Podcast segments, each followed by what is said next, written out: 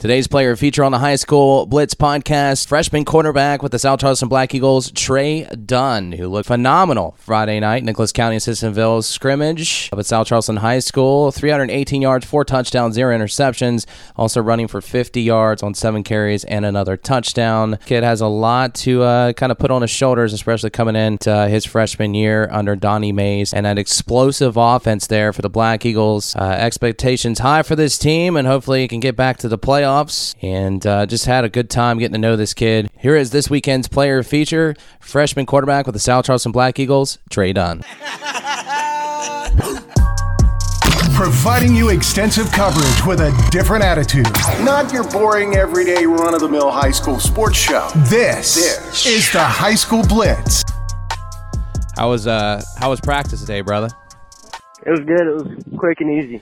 Yeah, I was about to say, Coach let you guys off easy today, didn't he? Yeah, he did. We just walked through some stuff. Well, what'd you uh what'd you work on today, man? We just went over all of our plays and some defense and stuff. Go through what uh, your progression as far as uh, what you do to, to get to get these plays down because you're a freshman. So what are you doing to get these plays down?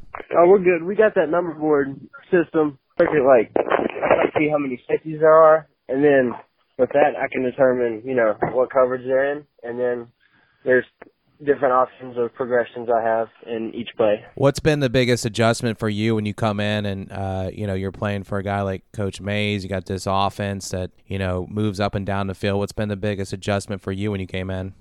Uh, probably like just the speed of the game, and you know just getting everybody and being a leader and being the youngest guy but still being a leader with all the older guys. How do you get some of those older guys to respond to you? Are you a vocal guy? How do you get them to respond to you? I mean, I'm pretty vocal, but I try to just lead by example and, you know, be there every day and do everything right and do extra and, you know, just always go that extra step. What did you do this uh, this summer as far as getting ready for this upcoming season? You know, I mean, I worked out, you know, I lift weights and speed train and I threw the ball a lot all summer. I went to some camps. You know, we got, we actually got the team together and lifted and threw, threw together some. So, you know, we did that pretty much all summer. Certainly important there. Did you uh, did you go up to West Virginia uh, and do a visit up there? Yes, I did. I went up to their, I went up to their one day camp and I also was invited to their spring game to watch. Awesome, man. How did how that go? It was fun, man. It was a good experience. So just cool to be able to go up there and see all that. What uh, do you talk to any coaches or any coaches give you any, any insight while you were up there? Uh, I met Neal Brown briefly, but no, not really any, you know, long talks with any of the coaches. Who's uh who's some guys that you've kind of connected with, either offense or defense? Probably mostly offense, but who's some guys you've connected with since uh, joining the team? I mean, I think we have a good chemistry overall, but Donovan Davis, me and him, he works out with me almost every day after practice. We go and throw extra. Uh, Romeo Dunham, he's, he works out extra some and, you know, Shali, uh, Shalik and, uh, Quali on the outsides and Zach Elon in the back, in the backfield too. So. I was at practice last weekend. You guys did some uh, kind of some noise stuff there, and uh, you know, obviously the defense didn't come full speed at you, but the the, the kind of the situational stuff, uh, kind of talk about you know, obviously you can't make that actual crowd noise uh, as I mean you can make as real as you want, but it's not going to be real until that first game of the season. But what what is it for you as far as mentality when you go into that first game of the season? That crowd starts to get loud. What are you going to do as far as honing in and concentrating on getting the plays done? You know, one of the, I think just the big thing is with all the noise and stuff, I still just got to be focused on, you know, what I got to do and just kind of let all the noise and all the people and everything else just kind of be in the background and not really pay too much attention to that. Just kind of focus on our team and the game and what we got to do. That's a great answer, my friend. Um, what uh, as far as what you want to work on and progress as you move throughout the season? Obviously, you know you can practice all you want, but what's some things that you'd like to really improve on and make sure that you're honing in on, in on as you move out throughout the season? Uh, I think decision making. I mean, I think I'm making pretty good reads and decisions, but I think that'll come easier once I get adjusted to the speed even better. You know, and just being accurate with the ball, throwing on time, and getting good chemistry with all my receivers and running backs. And at offense, you're going to get tackled because you're running sort of an well, it's an RPO, but it's you know option aimed as far as you can run. Are you a guy that likes contact? Are you going to come and lower your shoulder? Are you a guy that likes to get around? What what do you like out in the open field? I mean, growing up, I played kind of, you know, I played defense. I played, I ran the ball a lot. So I mean, contact isn't really something I'm really afraid of. I mean, I'm not going to be afraid to lower my shoulder and run over somebody if I have to. So I don't contact doesn't really bother me too much. Well, you got you got a lot on your shoulders as coming in as a young man. Last season, three and seven. You know, it's uh, it's not it's a rarity the Black Eagles don't make the playoffs.